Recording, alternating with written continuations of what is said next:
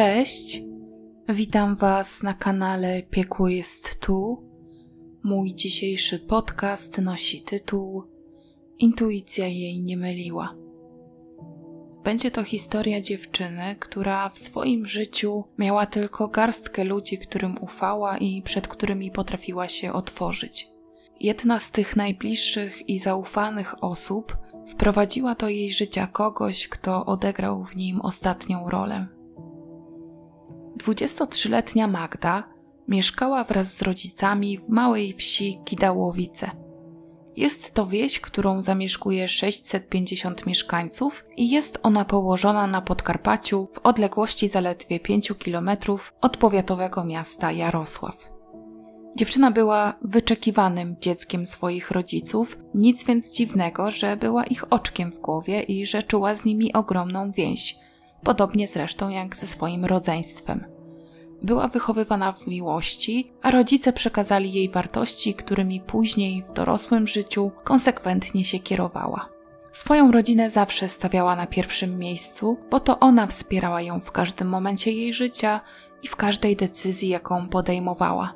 Zwłaszcza, że Magda była zamknięta w sobie i nieśmiała, a swoje sukcesy mogła świętować tylko w rodzinnym gronie.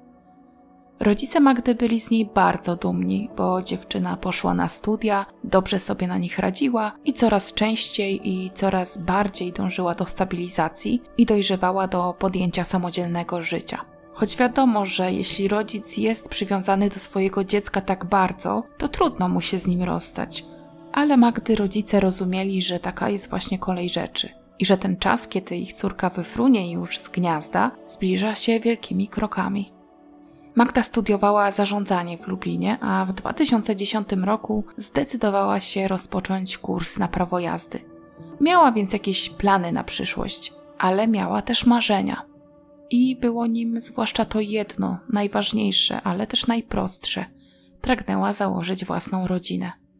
W spełnieniu tego marzenia bardzo kibicowali jej rodzice, którzy mieli pewność, że ich córka doskonale sprawdziłaby się w roli żony i matki, Miała bowiem bardzo spokojne usposobienie, ogromną cierpliwość, ale była też życzliwa, zawsze miła dla ludzi i cieszyła się ogólną sympatią, zarówno w swojej wsi, jak i wśród swoich znajomych, których znała ze szkoły czy z uczelni ale póki co na horyzoncie nie pojawił się żaden odpowiedni kandydat, z którym Magda mogłaby tę rodzinę założyć, więc skupiała się tylko na nauce. Najpierw chciała zdobyć wykształcenie i liczyła, że jakoś się to życie jej ułoży tak, jakby tego chciała. Nie to, że nie miała powodzenia u płci przeciwnej, bo była atrakcyjną dziewczyną, ale nie zdołała jeszcze znaleźć tego jedynego, tej prawdziwej miłości. Niestety skryta i introwertyczna natura Magdy nie pozwalała jej na utrzymywanie zbyt wielu kontaktów z ludźmi. W towarzystwie, o ile można ją było w nim spotkać, Magda raczej zamykała się w sobie. Wolała obserwować, co się dzieje, niż zabierać głos. Bardzo trudno było nawiązać z nią dłuższy kontakt. Często odpowiadała na pytania dość lakonicznie, nie otwierała się przed nieznajomymi bądź ludźmi, których bardzo krótko znała albo słabo znała. Była też dosyć nieufna. Na jej zaufanie trzeba było sobie zapracować, a co za tym idzie, trochę na nie poczekać. Jeśli jednak ktoś wzbudzał jej zaufanie, to trzymała się tej osoby bardzo mocno i była wobec niej bardzo lojalna i wierna tej relacji. To dlatego wszystkie najważniejsze w jej życiu osoby były z nią praktycznie od zawsze, a przynajmniej odkąd sięgała pamięcią. Od wielu lat, a właściwie to od dziecka, przyjaźniła się ze swoją rówieśniczką Natalią. Zaznaczam, że to imię jest nadane przeze mnie, bo w źródłach ono nie zostało podane. Była to jedyna osoba spoza rodziny, która wiedziała o Magdzie tak dużo i która była zawsze gdzieś blisko niej i na której Magdzie zależało. Dziewczyny poznały się jak były jeszcze dziećmi, mieszkały bardzo blisko siebie i od zawsze były niemal nierozłączne. Znały wszystkie swoje sekrety, były ze sobą w każdym ważnym momencie życia i spotykały się praktycznie każdego dnia. Traktowały się już nie tylko jak przyjaciółki, ale niemal jak siostry. Upływ czasu i różne plany na przyszłość nie rozdzieliły przyjaciółek. Nawet wtedy, kiedy Natalia związała się z o trzy lata starszym Tomaszem, mieszkańcem sąsiedniej wsi Morawiec, Magda nie poszła w odstawkę i towarzyszyła parze w przeróżnych aktywnościach czy rozrywkach. Natalia bardzo chciała, żeby jej przyjaciółka spędzała czas z nią i z jej chłopakiem, powiedziała też, że Magda poza nią nie ma żadnych innych znajomych. Nie chciała więc, aby siedziała sama w domu i czuła się przez swoją przyjaciółkę zaniedbywana, czy odrzucona, czy nawet porzucona dla chłopaka. Dlatego Magda w towarzystwie Natalii i Tomasza chodziła na spacery, do kina czy na dyskoteki. Nie zawsze czuła się z tym komfortowo, ale Natalia nalegała, a Magda zazwyczaj się na to godziła. Pomimo tego, że spędzała z Tomaszem bardzo wiele czasu, Magda nie zapałała do niego sympatią, czego zresztą nie ukrywała. Znała go trochę dłużej niż trwał jego związek z Natalią, czyli te trzy lata, i wiedziała też, że nie jest to odpowiedni człowiek dla pragnącej stabilnego i spokojnego przede wszystkim życia dziewczyny. Tomasz bywał konfliktowy i wydawał się być typowym cwaniaczkiem, który jest nastawiony wyłącznie na czerpanie korzyści z każdej znajomości, jaką zawierał. W okolicznych wsiach, w tym także w swojej, uchodził za niezbyt bystrego oraz dość impulsywnego, ale ogólnie nikomu nie zaszedł nigdy za skórę, więc personalnie nikt nic do niego nie miał. Od taki niegroźny osobnik, ale o specyficznym usposobieniu. Mimo, że był raczej niegroźny, Magda odczuwała wobec niego jakiś dystans. Martwiła się też o swoją przyjaciółkę, widząc jak Tomasz się do niej odnosi, jak ją lekceważy czasami – ale Natalia była w niego bardzo zapatrzona i nie docierały do niej ostrzeżenia przyjaciółki. Nie zerwała z Tomaszem nawet wtedy, kiedy 26-letni mężczyzna zaczął jawnie adorować Magdę, co oczywiście dziewczynie się nie podobało i stanowczo odrzucała jego umiski. Natalia zdawała się być ślepa na sytuacje, które wskazywały na nielojalność jej chłopaka, a Magda ostatecznie postanowiła ten związek zaakceptować, choć wciąż czuła, że Tomasz wodzi za nią wzrokiem i zachowuje się w stosunku do niej dwuznacznie. Skoro jednak Natalia na to nie reagowała, a Tomasz obracał w żart, no to i ona postanowiła nie zwracać na to uwagi. Nie miała zresztą innej alternatywy. Jeśli chciała mieć jakieś życie towarzyskie i mieć z kim wyjść z domu, z kim spędzać czas, to musiała zaakceptować towarzystwo Tomasza, który był nieodłącznym elementem codzienności jej najlepszej przyjaciółki.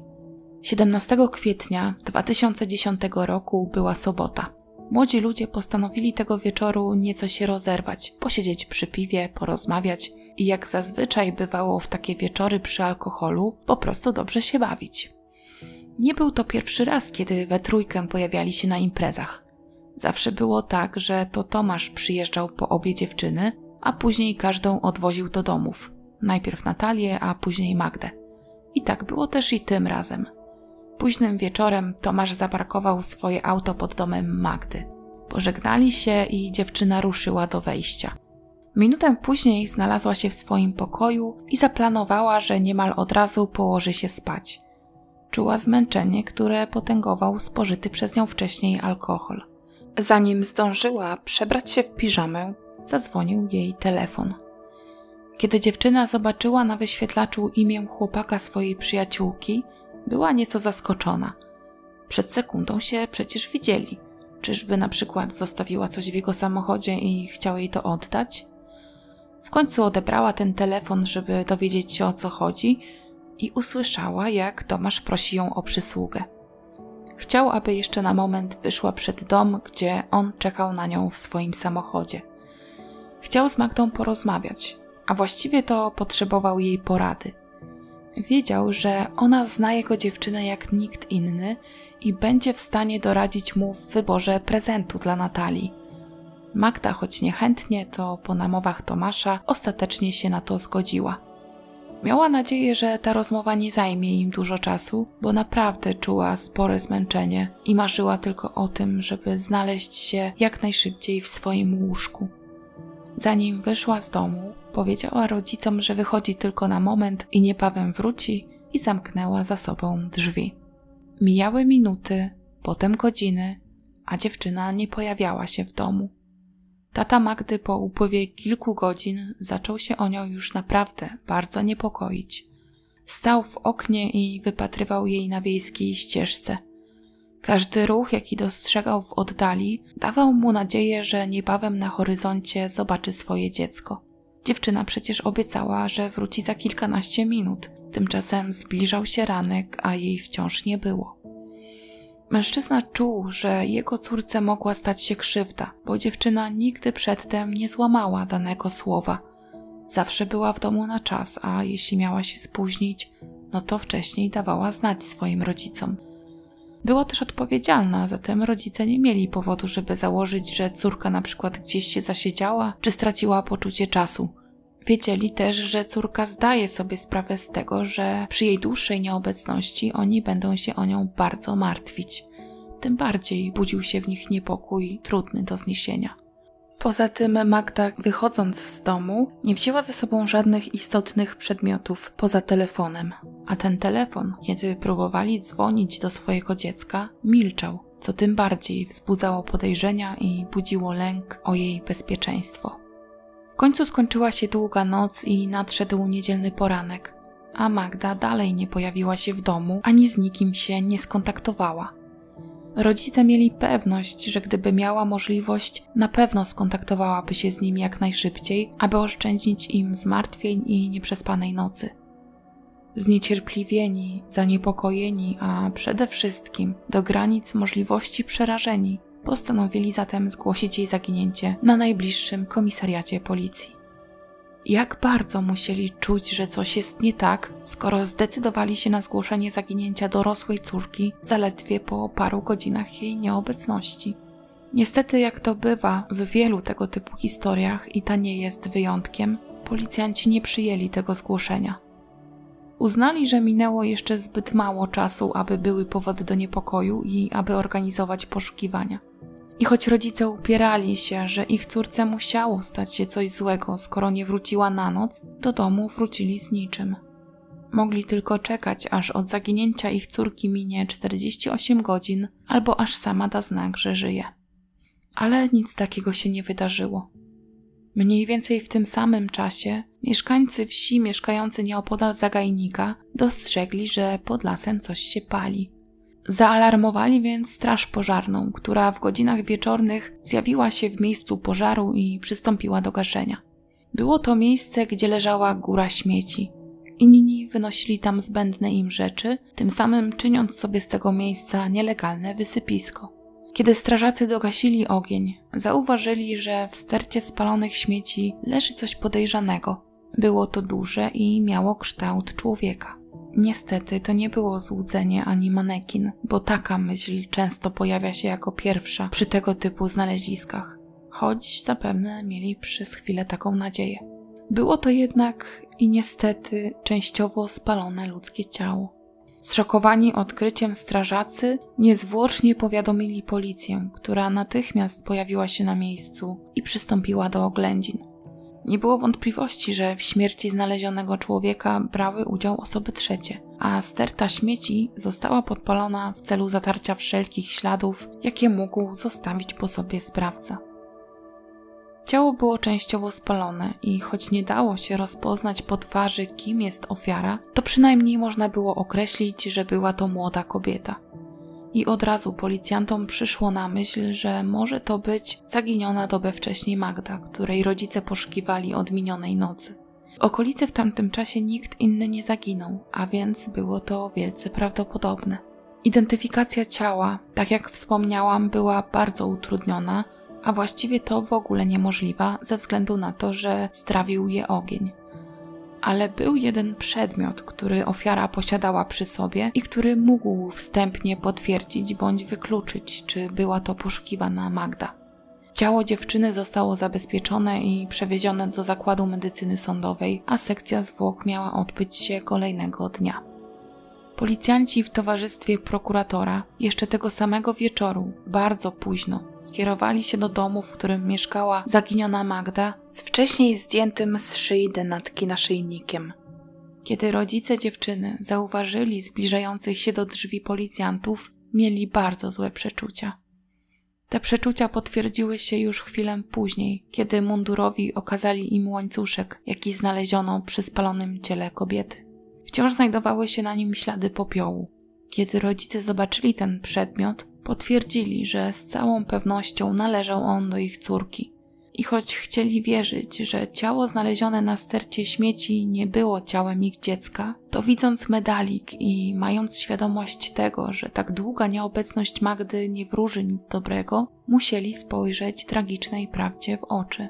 Ich życie w tamtym momencie zmieniło się nieodwracalnie. Mimo, że było już pewne, że ofiarą znalezioną na wysypisku śmieci była Magda, potrzebne były jeszcze badania genetyczne, aby oficjalnie to potwierdzić.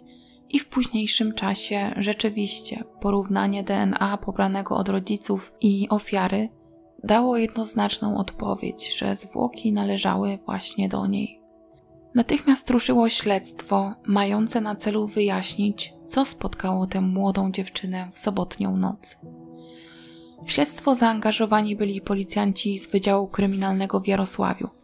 Śledczy, którzy pracowali na miejscu odnalezienia ciała, skrupulatnie przeszukiwali teren w poszukiwaniu jakichkolwiek tropów mogących wskazać na sprawcę albo chociaż kontekst wydarzeń. Nie było wiadomo, jaki mógł być motyw zbrodni. Przepytywano więc ludzi, którzy mieszkali najbliżej lasu, aby dowiedzieć się, czy zauważyli coś podejrzanego poprzedniej nocy. I prawdopodobnie ktoś mógł coś zauważyć, bo sprawy dalej potoczyły się błyskawicznie. I całonocne prace śledczych na miejscu odnalezienia ciała pozwoliły zebrać wystarczająco dużo śladów czy tropów, które doprowadziły ich do osoby, która mogła być sprawcą zbrodni.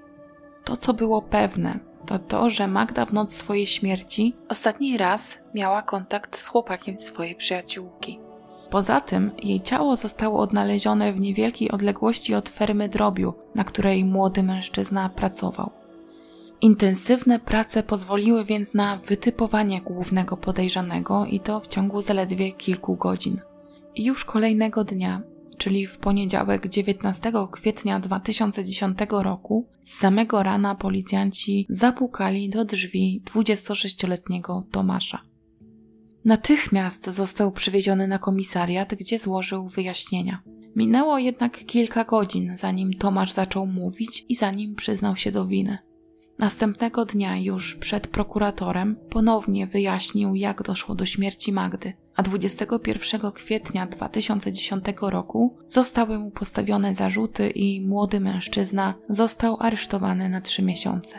Jego pierwsze wyjaśnienia zostały przez śledczych uznane za wiarygodne, ponieważ też późniejsze dowody wskazywały już bez wątpienia na jego winę i na tej podstawie prokurator sporządził akt oskarżenia, który kilka miesięcy później wpłynął do sądu okręgowego w Przemyślu. Jak więc doszło do zabójstwa dziewczyny? Po imprezie, na której Tomasz przebywał w towarzystwie dwóch przyjaciółek, najpierw odwiózł do domu Natalię, a później Magdę. Kiedy już zamierzał wrócić do swojego domu, przyszło mu na myśl, żeby wrócić pod dom koleżanki. Zawrócił więc z trasy i wykonał telefon do dziewczyny. Poprosił, aby wyszła na zewnątrz, lecz nie zamierzał jej zdradzić swoich prawdziwych zamiarów. Nie była chętna do wyjścia, ale przekonał ją, twierdząc, że chciałby sprawić Natalii prezent, a przecież tylko ona może wiedzieć, jaka niespodzianka ucieszy jego dziewczynę najbardziej. Oczywiście chęć rozmowy z Magdą o prezencie dla Natalii to był tylko pretekst, żeby wywabić ją z domu. Tak naprawdę Tomasz przyjechał do niej w konkretnym celu. Chciał namówić ją na intymne spotkanie. I choć Magda nigdy nie dała mu żadnych znaków, które świadczyłyby o tym, że wpadł jej w oko, w tamtym momencie Tomasz pomyślał, że skoro jest ona pod lekkim wpływem alkoholu, to jeśli będą sam na sam, to istniała szansa, że mogłaby się przed nim nieco otworzyć i zgodzić się na jego propozycję. Kiedy Magda wsiadła do jego samochodu, on odjechał spod jej domu. Dziewczyna była tym zaskoczona, bo myślała, że przecież mogą porozmawiać w samochodzie, ale nie protestowała. Z pewnością nie spodziewała się, że kierowca wywiezie ją w ustronne miejsce, gdzie będzie próbował zmusić ją do stosunku seksualnego. Podczas nachalnego zachowania Tomasza Magda odpychała go i broniła się. Niestety chłopak tego nie uszanował i wymusił na niej stosunek. Był od niej znacznie silniejszy i był też brutalny, bo w trakcie gwałtu również ją pobił, a wszystko to odbywało się w jego samochodzie, co później będzie miało duże znaczenie, ponieważ tam zostaną znalezione ślady krwi dziewczyny. Kiedy już się zaspokoił, roztrzęsiona Magda zapowiedziała mu, że jego czyn nie pozostanie bez konsekwencji. Miała zamiar koniecznie zgłosić to na policję. I to te słowa przeważyły nad tym, że zdobył się na jeszcze okrutniejszy czyn. W jednej chwili podjął decyzję o zabójstwie i zaczął ją dusić rękami, do momentu, aż przestała desperacko walczyć o życie. Chciał uniknąć konsekwencji związanych z gwałtem, którego przed chwilą się na niej dopuścił. Skoro Magda zamierzała zgłosić to na policję, a on chciał uniknąć za to kary, no to musiał jakoś ją przed tym powstrzymać. Jedynie jej śmierć mogła temu zapobiec. Dziewczyna walczyła, ale nie miała szans z dość postawnym mężczyzną. Umierała przez 15 minut z pełną świadomością tego, że to ostatnie chwile jej życia. Kiedy dziewczyna była już martwa, Tomasz wrzucił jej ciało do bagażnika swojego golfa i szukał miejsca, gdzie mógłby je zakopać. W samochodzie miał już przygotowaną łopatę. Zamierzał znaleźć mało uczęszczane miejsce i wykopać dla niej grób. Ostatecznie pojechał w okolice niewielkiego lasu i tam zaczął kopać dół, ale nie zdążył tego zrobić na wystarczającą głębokość, by zmieściło się tam ciało, bo trzon łopaty złamał się i uniemożliwił mu dalszą pracę. Wtedy Tomasz trochę spanikował, bo nie miał przygotowanego planu awaryjnego ale po chwili namysłu wpadł na pomysł, żeby spalić ciało. I wydawało mu się, że jest on jeszcze lepszy niż poprzedni, bo gdyby ciało spaliło się doszczętnie, nie byłoby żadnych śladów. Znał jedno takie miejsce, które wydawało się idealne do zrealizowania tego planu. Podjął decyzję, że zrobi to na stercie śmieci, która znajdowała się nieopodal miejsca jego pracy i zaledwie pół kilometra od domu ofiary. Ciała nie rzucił tak byle jak na wierzch, a przykrył je jeszcze znalezionymi na miejscu oponami i innymi zużytymi przedmiotami. Uznał, że nikt nie będzie przecież grzebał w tych śmieciach i tym samym szczątki Magdy nie zostaną odnalezione, a on nie poniesie konsekwencji za to, co zrobił. Zanim jeszcze płomienie rozhulały się na dobre, odjechał z tego miejsca, przekonany, że zatarł po sobie wszystkie ślady. Śledczy po aresztowaniu go zabrali do badań jego ubrania i znaleźli na nich DNA, w tym ślady krwi Magdy. Również dokładnie sprawdzono jego samochód. I tam, tak jak już wspomniałam, też znaleziono ślady jej krwi, ale znaleziono też jej telefon, który był wciśnięty pomiędzy pokrowcem a fotelem pasażera. Dowody znalezione w sprawie korespondowały zatem z zeznaniami podejrzanego, choć wtedy jeszcze nie były znane wyniki sekcji zwłok i tym samym nie była jasna przyczyna śmierci dziewczyny. Ale skoro Tomasz powiedział, że ją udusił, to taką też wersję wstępnie przyjęto. Ostatecznie taką przyczynę śmierci potwierdził raport sekcji zwłok sporządzony po ponad miesiącu od śmierci Magdy. Badania potwierdziły także, że przed śmiercią dziewczyna została pobita i zgwałcona. Z tego też powodu zarzuty, które ciążyły nad Tomaszem, zostały uzupełnione. Chłopak miał odpowiedzieć zarówno za gwałt, jak i zabójstwo. Po wysłuchaniu wersji wydarzeń przedstawionej przez Tomasza, przyjęto, że Magda zginęła z powodów osobistych, a badania przeprowadzone przez seksuologa wykazały, że chłopak zgwałcił ją niejako z zemsty. Złościło go to, że ona wciąż była obecna na jego spotkaniach z Natalią, że nie odpuszczała jej na krok. Czuł się, jakby był w trójkącie i postanowił przemocą wymierzyć jej karę za dyskomfort, który odczuwał z powodu jej ciągłego towarzystwa.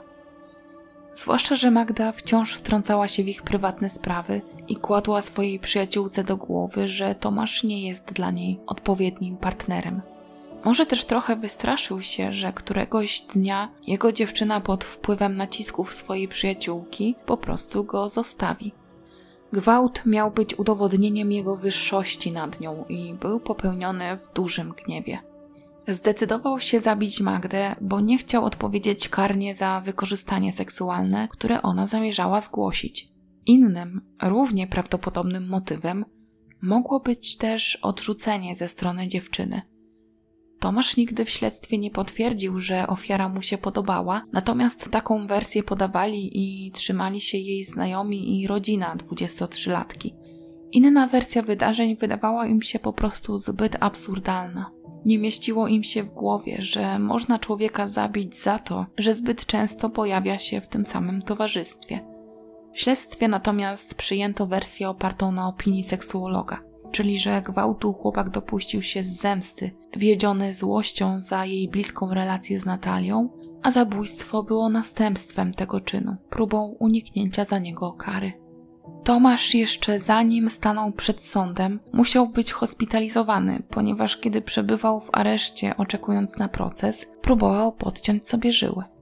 Cięcia nie były na szczęście głębokie i jego życiu nie zagrażało niebezpieczeństwo, ale to tylko dzięki szybkiemu przewiezieniu do więziennego szpitala w Krakowie, gdzie opatrzono jego rany. Ostatecznie chłopak stanął przed sądem okręgowym w Przemyślu w maju 2011 roku ponad rok po śmierci Magdy. Tam prokurator przedstawił mu trzy zarzuty: gwałtu, zabójstwa i zbezczeszczenia zwłok. Za te okrutne czyny zażądał dla 27-letniego już wtedy chłopaka dożywotniego pozbawienia wolności. Jawność procesu została wyłączona, zatem jego szczegóły, zeznania świadków i inne kwestie niestety nie są nam znane, ale orzeczenie sądu było jawne, zatem co nieco udało mi się na ten temat wyczytać. Tomasz na salę rozpraw został doprowadzony w kajdankach w asyście policjantów. Kiedy wprowadzano go na salę, na korytarzu sądowym na rozpoczęcie procesu oczekiwali rodzice Magdy. Oskarżony głowę miał spuszczoną w dół i skierowaną w przeciwną stronę, i ani razu nie spojrzał w ich kierunku. Rodzice Magdy występowali w procesie jako oskarżyciele posiłkowi i również chcieli, aby sąd wymierzył oprawcy ich córki najwyższą z możliwych kar. Nieoczekiwanie Tomasz odwołał swoje pierwsze zeznania, na których opierał się cały akt oskarżenia. A co się z tym wiąże, odwołał również swoje przyznanie do winy.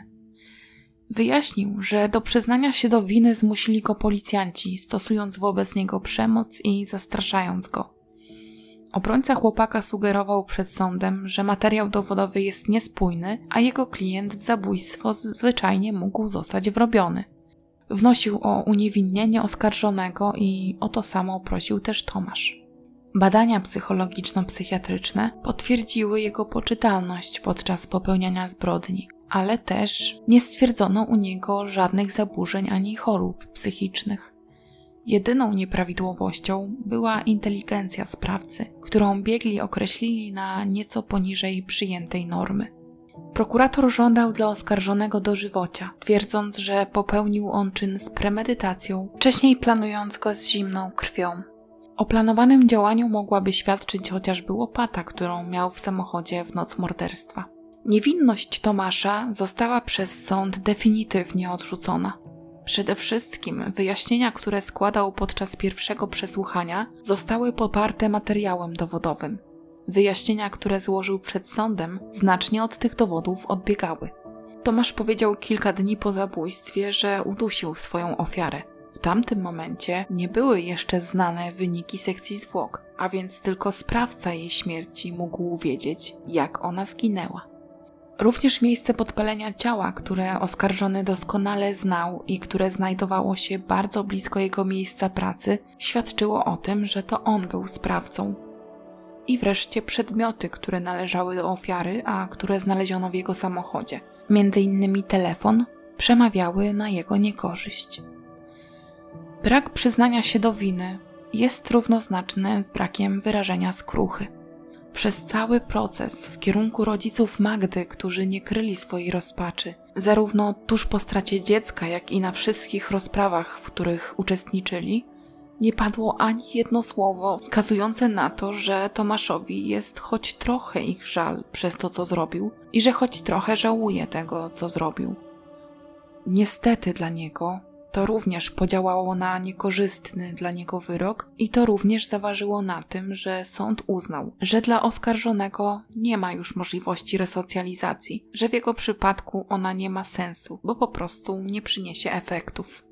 I choć oskarżony nigdy wcześniej nie był karany, a osoby trzecie wypowiadały się o nim dobrze, nawet kilka osób zeznawało na rozprawach na jego korzyść, to sąd w listopadzie 2011 roku zdecydował się wymierzyć mu karę dożywotniego pozbawienia wolności z możliwością ubiegania się o przedterminowe zwolnienie po upływie 25 lat kary. Sędzia orzekający wypowiedział takie dość mocne i moim zdaniem wskazujące na to, jak bardzo była to wstrząsająca zbrodnia zdanie. Jak nie za taki czyn dożywocie, to za jaki? Sąd zobowiązał Tomasza do zwrócenia rodzicom Magdy kosztów, jakie ponieśli w procesie. Z tym wyrokiem nie zgodził się obrońca Tomasza i złożył wniosek o apelację, która odbyła się w sądzie apelacyjnym w Rzeszowie w marcu 2012 roku. Tym razem sąd stwierdził, że chłopak zasłużył na szansę i że jeden okrutny czyn, jakiego się dopuścił, wcale nie świadczy o tym, że jest trwale zdemoralizowany i nie zasługuje na powrót do społeczeństwa, oraz że dożywocie to stanowczo zbyt surowy wyrok i złagodził go do 25 lat pozbawienia wolności. Ale na warunkowe zwolnienie będzie on mógł wyjść dopiero po 22 latach. Biorąc pod uwagę fakt, że zapewne wyszedłby przedterminowo, gdyby wyrok został utrzymany, to różnica w karach wynosi 3 lata. Czy jest to jakkolwiek pocieszające? Mieszkańcy wsi Gidałowice, którzy znali Magdę, a przynajmniej kojarzyli ją z widzenia, zapamiętali ją jako dobrą, sympatyczną dziewczynę i długo nie mogli pogodzić się z tym, co ją spotkało. Zdecydowanie nie zasłużyła niczym na taki los. Odwiedzają jej grób, składają tam kwiaty, zapalają znicze i po prostu pamiętają, że była kiedyś taka Magda, którą zabił człowiek, co do którego zawsze miała złe przeczucia. I to już jest wszystko, co w tej sprawie chciałam Wam powiedzieć. Dajcie koniecznie znać w komentarzu, co myślicie o tej historii i jakie macie w związku z nią odczucia. Zdaję sobie sprawę z tego, że wielu z Was może ona nieco przypominać sprawę z poprzedniego odcinka, ale jednak kontekst wydarzeń, motyw czy nawet osobowość sprawcy znacznie się różnią. I uznałam, że Magda tak samo jak Agata zasługuje na pamięć, a jej rodzina na współczucie. Dziękuję Wam za 12 tysięcy subskrypcji i za coraz więcej łapek w górę, które zostawiacie pod moimi podcastami. Jeśli słuchacie tego podcastu bez subskrypcji, a coś Was czasami przyciąga do moich materiałów, to zachęcam Was do zostania na dłużej i do zasubskrybowania kanału. Tymczasem ja przytulam każdego, kto dzisiaj tego potrzebuje i mam nadzieję, że słyszymy się niebawem.